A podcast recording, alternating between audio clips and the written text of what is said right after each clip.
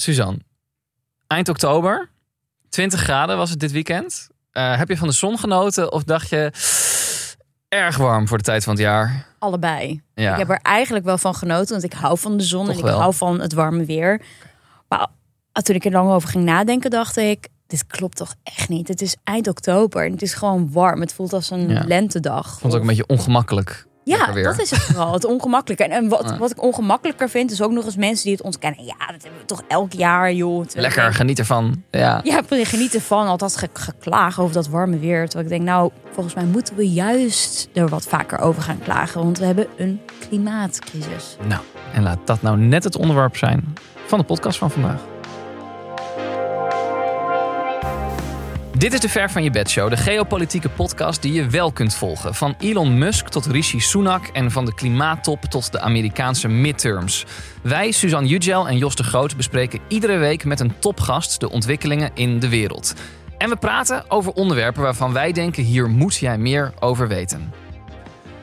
Nou, Suzanne, we werden vanochtend wakker met nieuws uit Brazilië. Want er komt een nieuwe president. De naam is Lula aan de linkerkant van het spectrum. We hebben natuurlijk eh, hier in ons podcast met eh, oud-correspondent Mark Bessems daarover gehad. Over Bolsonaro versus Lula. Ja, en, en hij had voors- voorspeld hè, dat het een hele spannende race Ja, nou, dat werd het. En dat werd het inderdaad. Ja, dus, eh, procent verschil misschien. De spanning zit er nu nog even in. 1 Eh, miljoen stemmen las ik. Dat is Ja. echt niet veel voor een Ja. land met zoveel inwoners. Nee, zeker. Ehm, ja, hij heeft gewoon echt gelijk gekregen. Dus het wordt toch wat voor Lula, want eh, het is een behoorlijk verdeeld land. Ja, en de spanning zit erin. eh, hebben we het toen ook over gehad. In januari eh, wordt hij geïnstalleerd. Nou, tot die tijd is de vraag: wat gaat Bolsonaro Mhm. doen? Wat gaan de Hij Bolsonaristas doen? Island nu op dit moment. Ja, we hebben nog niks Dus- van hem gehoord. En de vraag is: ja, gaat hij hem erkennen? Wat we in ieder geval zouden kunnen constateren: een overwinning voor de Amazone. Want eh, die draagt Lula aan wat warmer hart toe dan dat Bolsonaro dat doet. Halleluja, zeker. En eh nou, is eigenlijk ook meteen een mooi bruggetje naar het onderwerp Zo van was het ook een beetje bedacht, hè? ja, hebben we echt heel slik bedacht ja, hier. ja. Ehm, nou, eigenlijk een beetje een onsexy onderwerp, helaas. Raar, hè? Ja, best wel. Het klimaat. Ja. Het is ook zo'n woord. Het is een beetje zo'n holle term geworden bijna, klimaat. Ja, ja, En ja. dat het eigenlijk een soort veelkoppig monster is. Mm, Ehm, nou, wij hebben het eigenlijk opgehangen aan de COP. Een COP 27 Ja. die eh, dit weekend van Ja. start gaat in Egypte. Dat is de klimaattop van de VN. Eigenlijk tot vorig jaar was je er wel eens wat over, maar was het niet heel erg baanbrekend wat daar nou gebeurde. mm. Hoe kijk jij eigenlijk naar zo'n klimaattop? Is dat iets wat jij volgt of gaat dat ook allemaal lekker langs je heen? Nou, ja. Weet je, eh, ehm, ik denk dat er meer aandacht is voor mensen die, eh, die een pot soep naar een schilderij gooien. Dat is, ja, nee, dat is, een, ja, dat is toch een, uiteindelijk een beetje Ja. ik als nieuwsconsument wat ik ervan eh, meekrijg. En da- daarom is het wel grappig, want wij, wij hadden eigenlijk al heel lang de wens van willen een keer een aflevering maken over het klimaat. Nou, die Ja. hadden we gepland in deze week, want die kop komt eraan. Ehm, en ik kwam eigenlijk dus vandaag pas achter dat het ook nog de Nationale Klim- Klimaatweek is, blijkbaar in Nederland. Ehm, maar ja, we vallen in die zin met ons neus in de boter. Dat het natuurlijk wel eh, opeens heel erg in de picture is Ja, in Nederland. Hè? Met Ja. eh, ook de, de, de tafelplakker bij Jinek. ja precies. En jij zei net van, van het is een onsexy onderwerp. Maar dat hebben wij natuurlijk ook wel een beetje aan den lijve ondervonden. Toen wij zelf op de redactie van een talkshow werkten. Ja, op het moment dat het woord Ja. klimaat viel, dan zag je alle ogen rollen naar is achter. een Zo wegzepper. van, dat doen we niet. Nee, Ja, het is toch best wel pijnlijk, want het hangt echt als een soort van zwaard van Damocles boven Mhm. ons hoofd.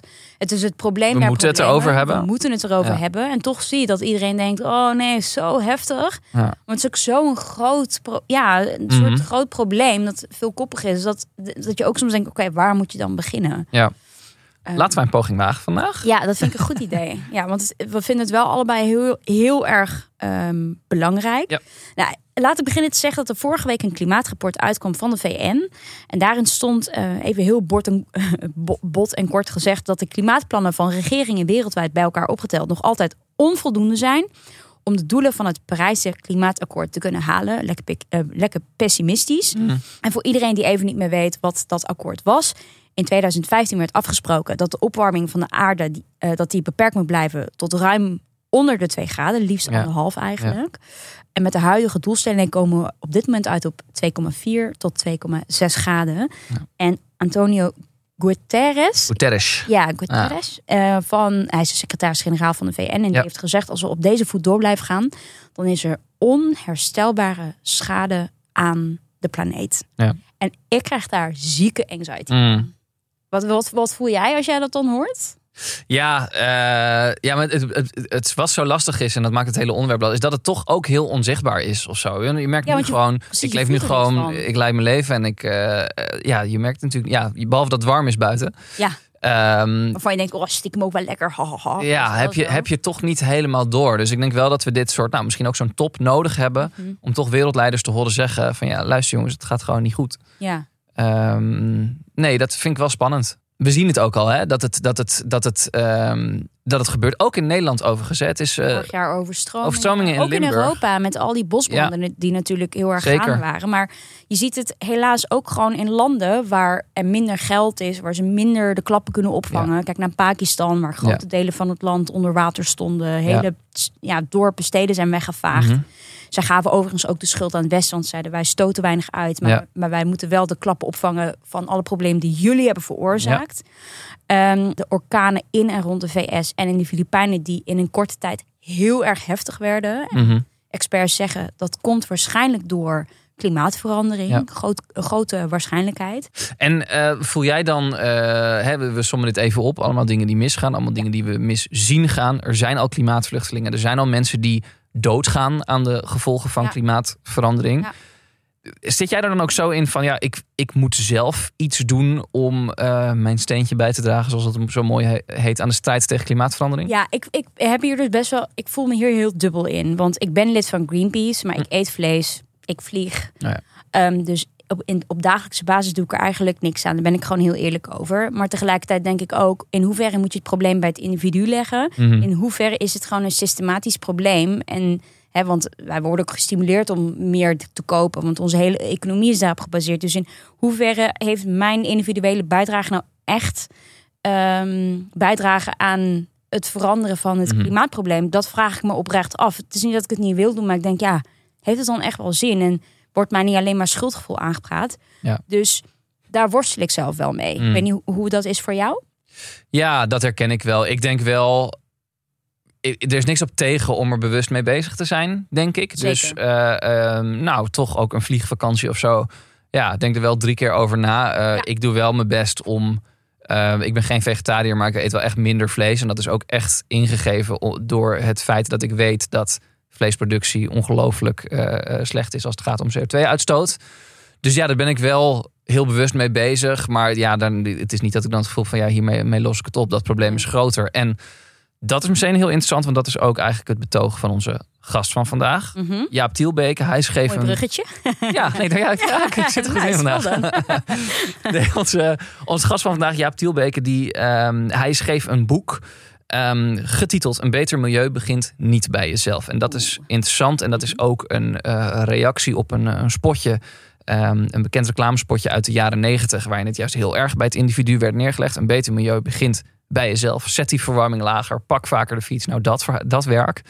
Ehm, maar zijn betoog is groter. Het gaat niet om ons. Het gaat om de grote bedrijven. Het gaat om overheden. Neem het probleem serieus en ga ermee aan de slag.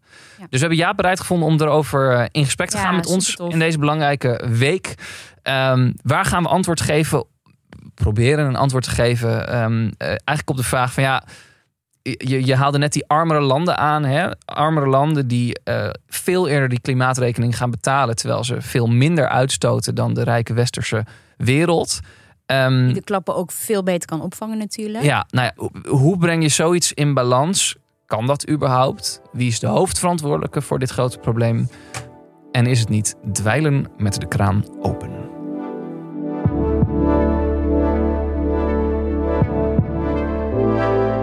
Eh Jaap, welkom. Dankjewel. Fijn dat je er bent. Fijn dat je tijd voor ons hebt gemaakt. Ehm, even allereerste vraag. Ben jij toevallig in de afgelopen, laten we zeggen, twee weken gebeld door een talkshow? Nee. nou, ik kom wel komende zondag, kijktip, Ja? bij Pauw. Bij Oh. Pauw, Bij oké. Pauw. Die heeft die serie Nederland is vol. Ja. Aparte titel, maar het gaat Ja. meer over de grenzen aan de groei discussie. Mhm. En die is dus al een paar weken geleden Ja. opgenomen, niet live. Dus ik had niks aan de secondenlijn met talkshow tafel. Nee, ai. Dat had geen zin. Maar die wordt zondag uitgezonden. Dus eh, voor de liefhebber ben ik daar te zien. Ja, Nee, ik vraag het omdat we natuurlijk eh, hebben gezien de afgelopen eh, weken dat, eh, nou ja, je, je noemt de soep, je noemt de secondenlijm. Eh, het leidt ertoe dat er aan talkshows over eh, het klimaat wordt gesproken. Althans, wordt over het klimaat gesproken, wordt over de actie gesproken. Daar kun je misschien nog over discussiëren. Ehm, hoe, hoe kijk jij? Ja, ik, ik vraag van, ben jij gebeld? Van ja, eh verbaast je misschien dat je niet bent gebeld? Laat ik het zo zeggen. Nee, want er zijn eigenlijk veel mensen die veel beter geschikt zijn Mm. om echt de wetenschap uit te leggen. Dus sorry dat ik hier zit. Nee, ik weet wel wat van het er onderwerp, maar er zijn natuurlijk talloze experts en deskundigen die daar heel goed over kunnen vertellen. Dus ik was wel blij verrast om te zien dat ook een aantal van die experts Ja. aan tafel zaten eh, bij Jinek eh, de Ja. dag na de actie. Dat is op zich een positief effect. Ik had zelf een beetje gemengde gevoelens bij het zien van die actie. Want en mijn eerste reactie was ook een beetje van ja, waarom nou zo'n schilderij als doelwit nemen? Mhm. Ik bedoel, volgens mij zijn acties die direct ook een soort politiek-economische kritiek in zich dragen Mhm. veel krachtiger. En dan is het ook makkelijker om vervolgens het gesprek daarop te brengen. Dus je hebt in het verleden ook wel acties gehad eh, van eh, ja, fossil free culture, die dan ook bij musea gingen. Maar dat was dan specifiek gericht op de fossiele sponsoring van bepaalde musea. Nou, dan heb je heel direct een duidelijke eis, direct een duidelijk punt wat je wil maken. Aan de andere kant kun je niet ontkennen dat het schokeffect eh, zin heeft Ja. gehad. Want er was wel degelijk aandacht voor. Nu kun je Ja. inderdaad, ja, Ja, want ik had, ik had vooral, wat ik echt zag was wanhoop. Echt een wanhoopsdaad. Dat ik dacht van, ja, weet je, als er zoiets groots boven je hoofd hangt en dat krijgt maar mondjesmaat eh, aandacht. We hebben zelf bij een talkshow gewerkt. We hadden het hiervoor samen in het gesprek over van, weet je, als we over, over klimaat begonnen op redactievergadering, nou, dan gingen de ogen rollen van, ja, dat is echt een wegzepper. Dat willen we niet. ja. Dus hoe is dat voor jou als klimaatjournalist? Dat je over een onderwerp schrijft waar toch heel veel mensen bij denken: "Oh, gaan we weer over dat klimaat? Ja, ik herken een deel van die wanhoop, denk ik wel, ook als journalist. Kijk, het is natuurlijk ook een enorme uitdaging. Dus ik begrijp ook de journalistieke kant van het verhaal.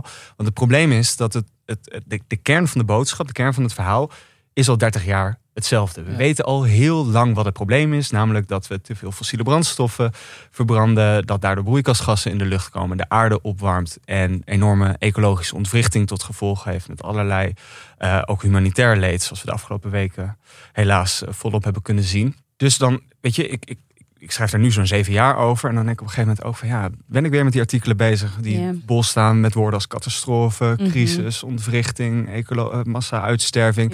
Noem maar op. Dus ik ben voor mezelf ook constant op zoek naar ja, hoe vind je een nieuwe invalshoek voor dat verhaal? Hoe vind je een nieuwe vorm om dat verhaal te vertellen? En heel eerlijk gezegd, daarbij helpen maatschappelijke bewegingen wel. Eh, dus, dus bepaalde acties brengen ook weer een bepaalde lens op het probleem. En ik denk wat je, je zegt terecht van dat dit een duidelijke blijk was van, van wanhoop. Van, jongens, Mhm. we, we zijn al heel lang braaf aan het demonstreren Ja, en proberen netjes aandacht te vragen. Dat werkt allemaal niet. Dus nu gaan we overschakelen op radicale middelen.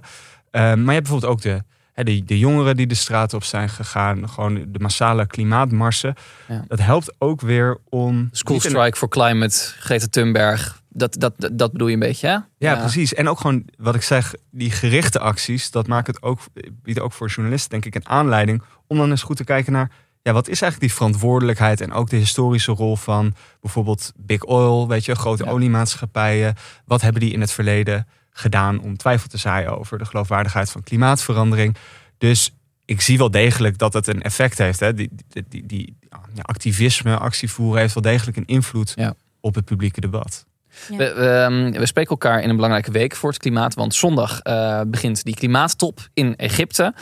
En niet onbelangrijk, daar eh, heel eerlijk, ik kwam er vandaag achter. Maar blijkbaar is het deze week de Nationale Klimaatweek in Nederland. Ik zag een filmpje van Rob Jetten, onze klimaatminister. En daar zei hij dit. Dit is het moment om energie te besparen. Het scheelt geld en je spaart het klimaat. Of je nu de thermostaat lager zet, vaker de fiets pakt of bewust kiest voor het ruilen en lenen van spullen. Doe je ook mee? Oh, Vaker de fiets pakken. Flashbacks naar de 90s. Thermostaat wat lager en eh, we komen er wel, eh. Hij ging ervan. Ik Ja, maar toch... eh, ben heel benieuwd hoe jij Ja, jij bent denk ik de uit, uitgelezen persoon om te vragen. Ja, nee, maar wat? Wij, wij lachen nu, maar eh, ja, dit is, dit is natuurlijk wel een beetje, een beetje klim- klimaat begint bij jezelf. Hè? Ja, zeker. Dit geeft me wel een beetje een eh, flashback naar die Postbus 51 campagne. Ja. Beter milieu begint bij jezelf, waar ik in Mhm. de ne- jaren 90 mee ben opgegroeid. En ehm, ja, ik heb er natuurlijk dus, hè, dat is de reden denk ik dat jullie dit filmpje ook laten zien. dat ik een boek heb geschreven met de titel Een beter milieu begint Mhm. niet bij jezelf. Mhm. Waarin ik eigenlijk dus ja, breek met die hele mentaliteit dat die grote structurele verandering die we nodig hebben, gaat komen van de bewuste consument, van de groene consument. En het is eigenlijk een beetje een ja, correctie op dat hele narratief, die, die Mhm. verantwoordelijkheid echt bij die, het individu en dan het individu als consument legt. Eh, omdat daarmee ook, ja, het is ook een bewuste strategie geweest, bijvoorbeeld van de grote vervuilers. Ehm, BP bijvoorbeeld, toen die zich een beetje probeerde te profileren als een als groene rebranding. Toen Ja. hebben ze ook dat idee van een ecologische voetafdruk gepopulariseerd met als idee van ja, voordat je nou begint over onze verantwoordelijkheid en onze rol hierin, kijk eerst eens naar jezelf. En ik denk dat dat onszelf enorm tekort doet. Dus mijn pleidooi is zeker niet van hè, ik moedig iedereen aan om zo milieuvriendelijk mogelijk te leven, Ja. maar eh, kom vooral ook, ga vooral ook een stap verder en kom niet alleen in actie als consument, maar ook als burger. Ja. Ehm, en, en ja, dat hele, eh, zeg maar, ik denk dat dat ons heel lang heeft gedwarsboomd door te denken dat we met recyclen en bewuste keuzes en dan vervolgens eh, konden we het aan de markt overlaten dat het dan wel goed zou komen. En ik bedoel, als ik nu zie hoeveel kritiek er ook komt op dit filmpje, Ja. dan merk ik wel dat er iets verschoven is. En Wa- dat, wa- waar komt die verschuiving vandaan? Wanneer is dat omslagpunt gekomen? nou, ik denk bij de publicatie van mijn boek af. Enige juiste antwoord. Nee, nee, nee. Nee, helemaal niet. Want sterker nog, toen ik het eh, publiceerde, toen dacht ik al van, oh, komt dit niet een beetje als mosterd na de maaltijd? Ah, ja. Want eh, dat hele idee begon al wat meer, eh, daar begon de kritiek daarop zwol al aan. Ehm, ja, ik denk dat het ook gewoon de, de tijdsgeest is. Dat de jaren negentig toch ook nog behoorlijk optimistisch was. En heel erg het idee van, nou, we hebben de sleutel achter de vooruitgang eh, hebben we eigenlijk eh, ontrafeld. Want eh, we hebben het, ja, het markteconomie en een democratische staat. En daarmee gaan we ook dit soort problemen als de ecologische crisis oplossen. Dus wat doe je dan? Dan ga je de consumenten proberen op te voeden. Dat is het handelingsperspectief die we mensen bieden. Ja. Ik schuw altijd een beetje van het woord neoliberalisme. Maar om het toch er maar even in te gooien. Dat is natuurlijk een hele neoliberale gedachte. Van Ja, ook het meer individu. meritocratisch, hè? Zo van, oh... eh, Nog een mooi woord. dingen. Ja, nog, nog, nog, nog zo'n... Nog zo'n Dit, eh, dit is term. hoor, dit is hem wel. Ja. Eh, precies. Maar, en die tijdsgeest is denk ik wel echt eh, veranderd. En hoe dat dan komt, ja, dat is altijd een samenspel. Ik denk ook weer door, eh, door een nieuwe generatie eh, van... Mm. van eh, ik, ja, ik noem vaak het voorbeeld van ik destijds als klimaatactivistje Mm. beperkte mezelf tot ik internaliseerde die schuldvraag. Dus ik Ja. ging Ja. eh, ja, mijn afval recyclen en het licht uitdoen als ik van huis ging en zo, dat soort zaken. En nu zie je jongeren die de straat op gaan en die eigenlijk de schuld bij anderen leggen. En waar, waar die verantwoordelijkheid volgens mij ook daadwerkelijk ligt. Ja. Dus dat vind, ik, dat vind ik een positieve ontwikkeling. Ja. Als we dan kijken naar die verantwoordelijkheid voor anderen, even naar die klimaattop. eh, ga, ga jij daar eigenlijk heen? Nee, nee. Is dat een bewuste keuze? Ja, kijk, ik ben sowieso niet de type journalist die echt dat, dat spelletje van die onderhandelingen en zo heel graag volgt. Ik heb toch de neiging om meer uit te zoomen en het grotere eh, plaatje te proberen uit te tekenen. Ja. Ik was er wel in eh, Parijs, toen begon ik eigenlijk Ja. net. En toen wilde ik In ook naar dat- 2015 was dat, 2015, ja. ja, precies. Ehm, alleen toen waren net die aanslagen bij de Bataclan. Oh, ja. En Ik was wat later met mijn aanvraag voor de accreditatie. En toen werd dat dus... Ik, ik kon niet bij het gedeelte waar daadwerkelijk de onderhandelingen plaatsvonden. Maar ik heb wel dat hele circus eromheen meegekregen. Zijn talloze side-events. En het voelde gewoon heel erg aan als een enorm netwerkevenement Mm. bijna. Ja, het is ook echt een conferentie. En er wordt dan gesteggeld over de precieze bewoordingen. Hè, of je should of shall in een tekst moet hebben. En over de interpunctie. Dat maakt enorm veel verschil juridisch gezien. En dat akkoord van Parijs, dat werd toen echt afgehamerd als ja, historisch en echt een doorbraak. Ik dacht dat zelf ook wel een beetje. Maar als je dan nu gewoon gaat terugblikken wat er de afgelopen zeven jaar is gebeurd, dan is dat bitter weinig. Dus ik ben Dat is überhaupt. nog steeds het klimaatakkoord waarmee ook onze regering eigenlijk nog steeds in de hand staat als het gaat om het, om het hè, be- belang bijzetten van die doelen. Dus, maar jij zegt eigenlijk ja, Nou, zeven jaar verder. Ja, het belang van Parijs is dat de wereld daar overeen is Ja. gekomen. Dat we moeten streven naar om de opwarming van de aarde te beperken tot ruim onder de 2 graden. En het liefst die anderhalve graad. Nou, inmiddels zijn de wetenschappers steeds duidelijker ook ja, wat de gevolgen zijn. Dat er enorm verschil is tussen anderhalve graad en 2 graden. Dus dat het echt alle reden toe is om die opwarming sowieso niet verder te laten oplopen. eh, maar helemaal niet die anderhalve graad grens over te gaan. En als je dan ziet wat, er, wat daar eh, aan actie voor wordt verbonden dan blijkt die anderhalve graad grens eigenlijk steeds verder uit het zicht te raken.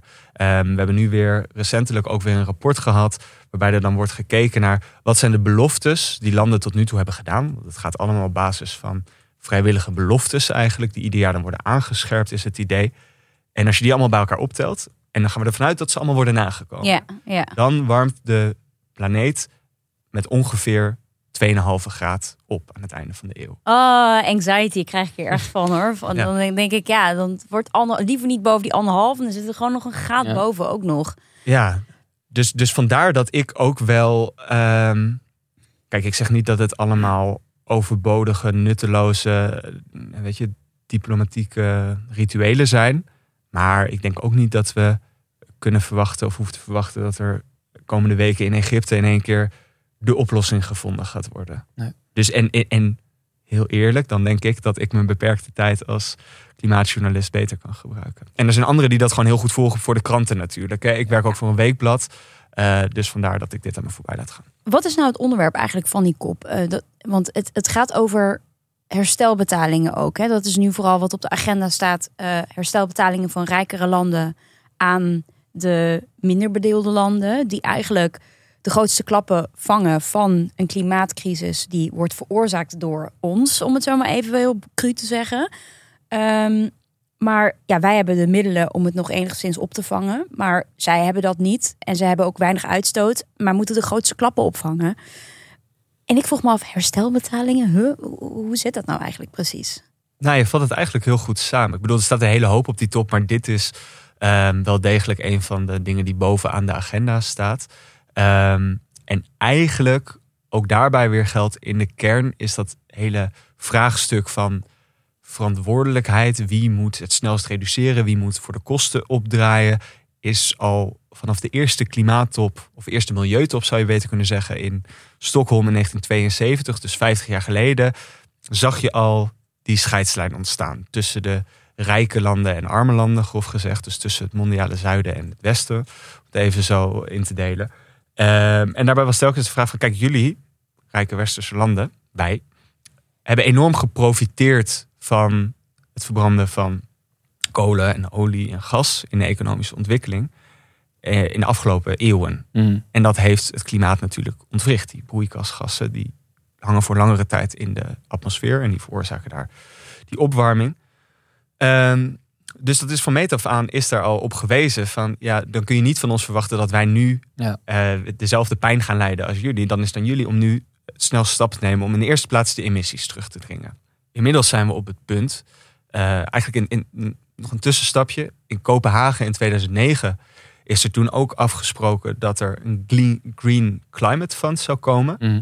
Met als idee, die rijke landen gaan ook financiële ondersteuning bieden om ontwikkelingslanden of armere landen te helpen om nou ja, te vergroenen en ook om zich aan te passen aan de gevolgen van de opwarming van de aarde. Want die is natuurlijk al in volle gang. Ja. Ehm, er is afgesproken. 100 miljard, toch? Juist. Ja. 100 miljard per jaar. Per jaar. Ja, dat, is, En- e- dat moet je even op je in laten werken. Dat is echt veel geld. Maar het is ook echt... Ja, is het veel? ge- Ja, dat Ja. kan Precies, ja, maar ja, dat, dat is dat, het. een interessante discussie, Als ik zo denk, is het veel geld. Maar eigenlijk... Maar ja, Als je kijkt naar dat nu de de- knoppen gaat. ja, misschien is het daarom. waard. Ja, hartstikke waard. Als je kijkt nu naar de ramingen, ik hoop dat ik het goed zeg, maar ik geloof dat de schattingen van de, de, de economische schade van de recente overstromingen in Pakistan alleen al 30 miljard Ja, waren. precies. Ja. Dus ja, dat, ik weet niet of dat veel geld is, maar los daarvan, ook daarbij geldt weer, die beloftes zijn niet nagekomen. Ja. Dus jaar in en uit werd er veel te weinig overgemaakt. Ik geloof dat het nu, het meest recente cijfer dat ik had kunnen vinden, was in 2020. Toen was er 83 miljard. Dus er zit nog steeds een gat van ruim 16 miljard eh, zit daarop. Ehm dus het neemt wel langzaam aan toe. Daarvoor was dat gat nog veel groter. Ehm, maar die beloftes worden nog steeds niet nagekomen. En dan kom je nu op eigenlijk nog een extra vraag. Wat jij klimaatherstelbetalingen noemt. En wat in technisch jargon ook wel eh, loss and damages wordt genoemd. Ofwel eh, schadevergoeding. Mm. Eigenlijk komt het daarop neer. En daar, daarin zit dat historische component weer van. Ja, jullie hebben daarvan geprofiteerd. Jullie hebben deze crisis veroorzaakt.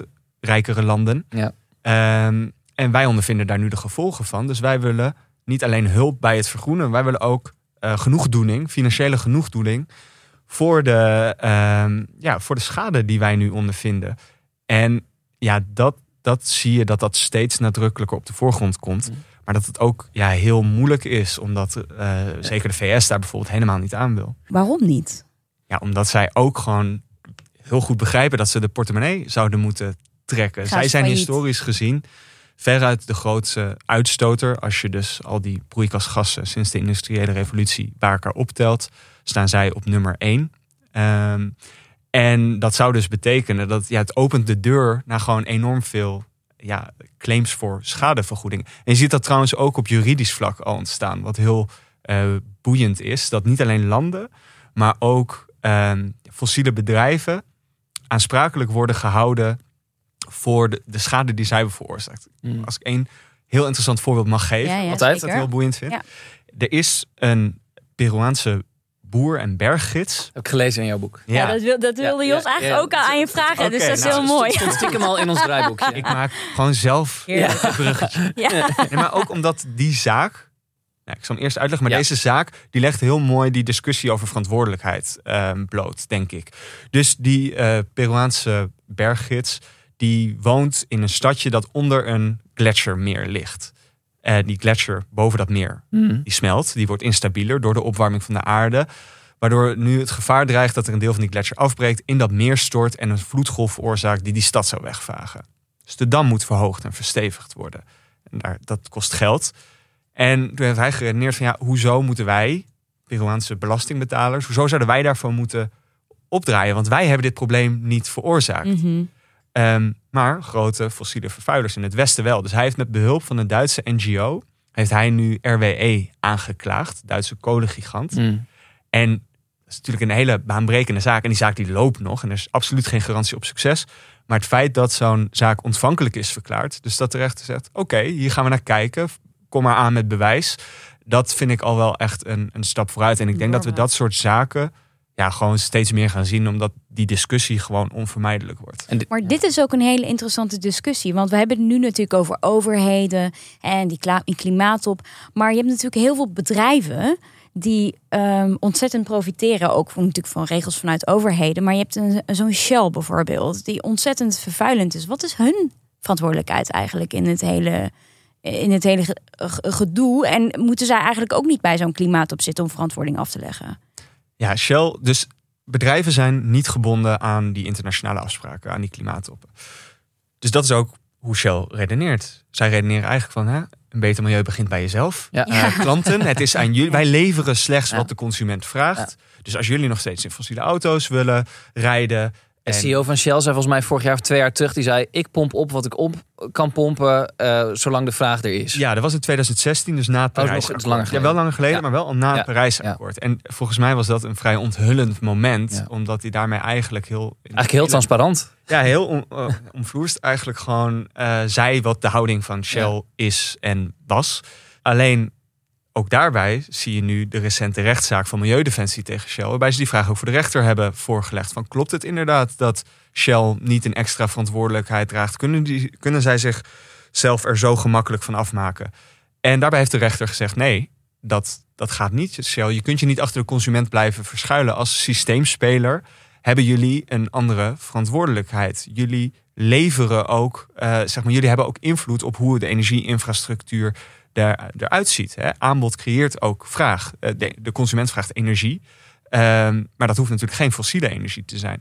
Dus de rechter heeft ook echt korte metten gemaakt met die verdediging. En die heeft gezegd: jullie hebben een verregaande inspanningsverplichting om ook die CO2 die bij jullie klanten ligt, bij het eindproduct, daar hebben jullie ook een verantwoordelijkheid voor om die terug te dringen. Uh, nou, die zaak is ook weer een hoger beroep, is een hoger beroep gegaan.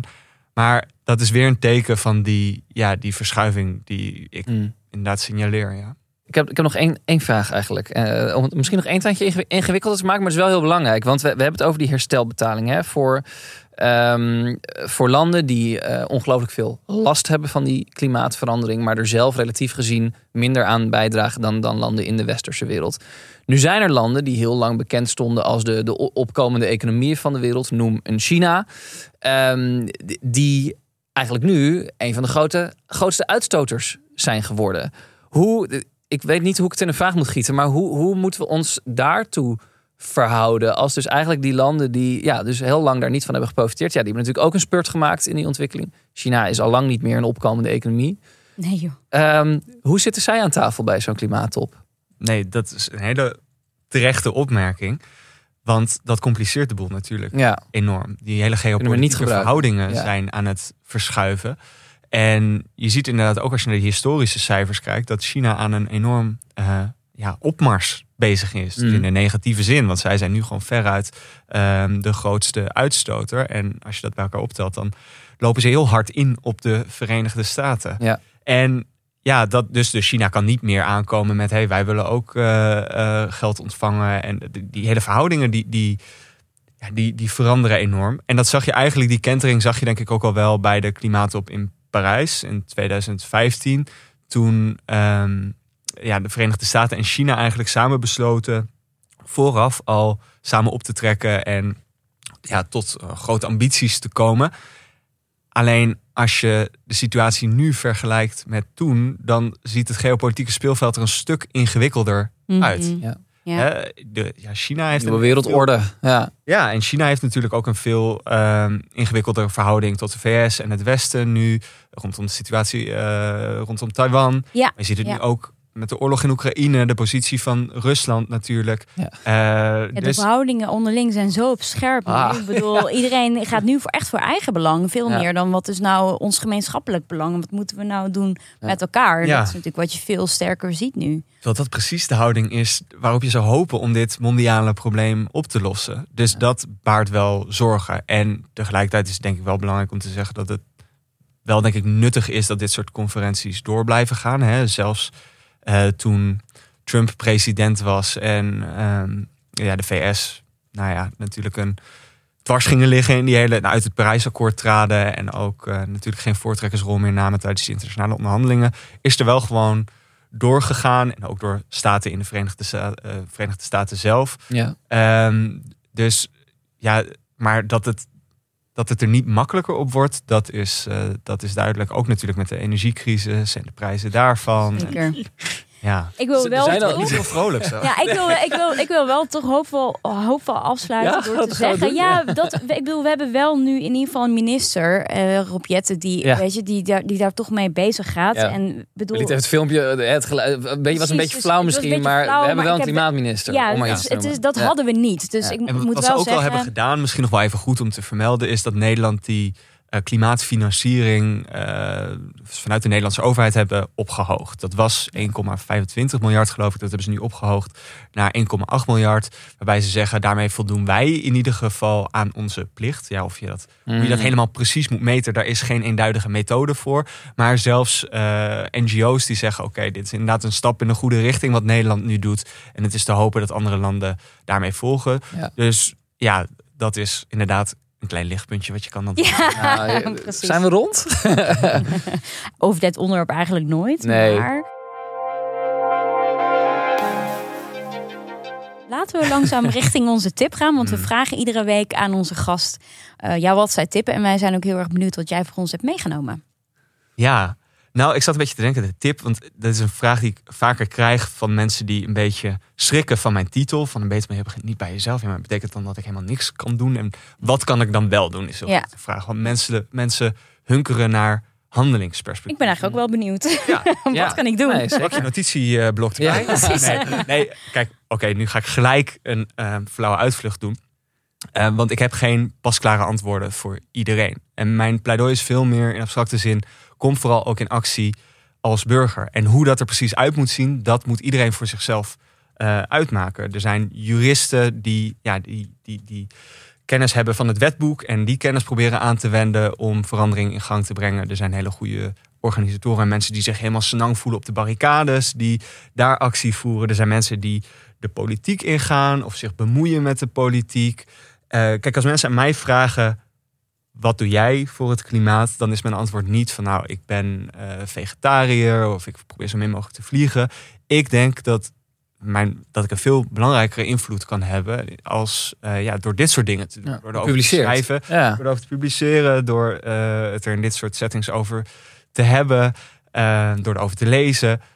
Dus nou ja, dat, dat is een beetje mijn advies aan iedereen. Probeer, ja, probeer voor jezelf een manier te vinden, een manier waarop jij, waar jij je prettig bij voelt, Maar wel dat je je inzet voor die, die, die structurelere veranderingen. En niet je blind staart op wat er in je winkelmandje ligt. Nou, doen wij het toch goed, Jos. Want dan hebben we dit Ja. onderwerp besproken in onze podcast. Dus, nou, nee, maar eh, zeker. Maar dat, dat is ook gewoon nee, een klein schouderklopje. een heel klein schouderklopje. Maar jij hebt ook een tip meegenomen deze Ja, week. ja, heel kort. Ehm, eh, Bram Vermeulen ehm, was eerder in onze podcast te gast voor zijn serie Frontlinie. Hij had nu een nieuwe aflevering gemaakt waarvoor hij naar Groenland reisde. eh, eigenlijk om daar gewoon te gaan laten zien hoe klimaatverandering eruit ziet. En eh, die aflevering is te kijken op NPO Start. En dat eh, eh, vond ik zeer het kijken waard. Nice. Ik heb het zelf. Ik heb zelf het NRC-stuk gelezen. Dat, Dat mag je ook lezen. Dat is allemaal te vinden Ja. online. Ik wil ook graag iets tippen. Dat Ja. is namelijk de podcast Het Mysterie van de Deria Star Night van journalist Lex Boon. Die Ja, en dat is misschien als je even genoeg hebt van alle klimaat doen praten. Misschien even iets anders, Het toch? gaat dus over een nepschilderij die voor 3,2 miljoen is verkocht aan een Saoedische prinses. En de lokale krant die had ten onrechte vermeld dat het een Nederlandse schilder was. En Lex is dus echt naar Saoedi-Arabië gegaan met de eh, kunstenaar die op dat schilderij verme- vermeld stond. Om te kijken van, hé, maar hoe zit dat nou precies? En dat is best wel een Tof. grappig, bizar verhaal, zeg maar. Waardoor je Saoedi-Arabië eigenlijk ook eh, beter leert kennen. Dus ik zou zeggen... Dat is ook voor onze luisteraars eh, Ja, ja, zeker. hartstikke de moeite doen. waard. Leuk. Oké, nou dan gaan we het langzaam afronden. Hè? Ja, dankjewel. Ja, dank jullie wel. En Dank het je schouderklopje hebben jullie verdiend. Ah, Oh. dankjewel. Oh, wij kunnen met een gerust hart naar Ja, huis. heerlijk eh, naar huis. Ja. Nou, heb jij nog vragen of suggesties voor ons? Eh, is er een land waarover je meer wil weten of een situatie, gebeurtenis? Eh, dan kan je ons bereiken via onze Twitter. Dat kan op @vervanjebedshow of via ons Instagram-account. Daar heten we @vervanjebedshow podcast. Alle tips die je voorbij hebt horen komen, die kun je ook terugvinden in onze show notes. Zeker. Eh, dus wij zijn er volgende week weer met een nieuwe show, een mooi onderwerp en natuurlijk ook een hele mooie gast. Graag tot dan.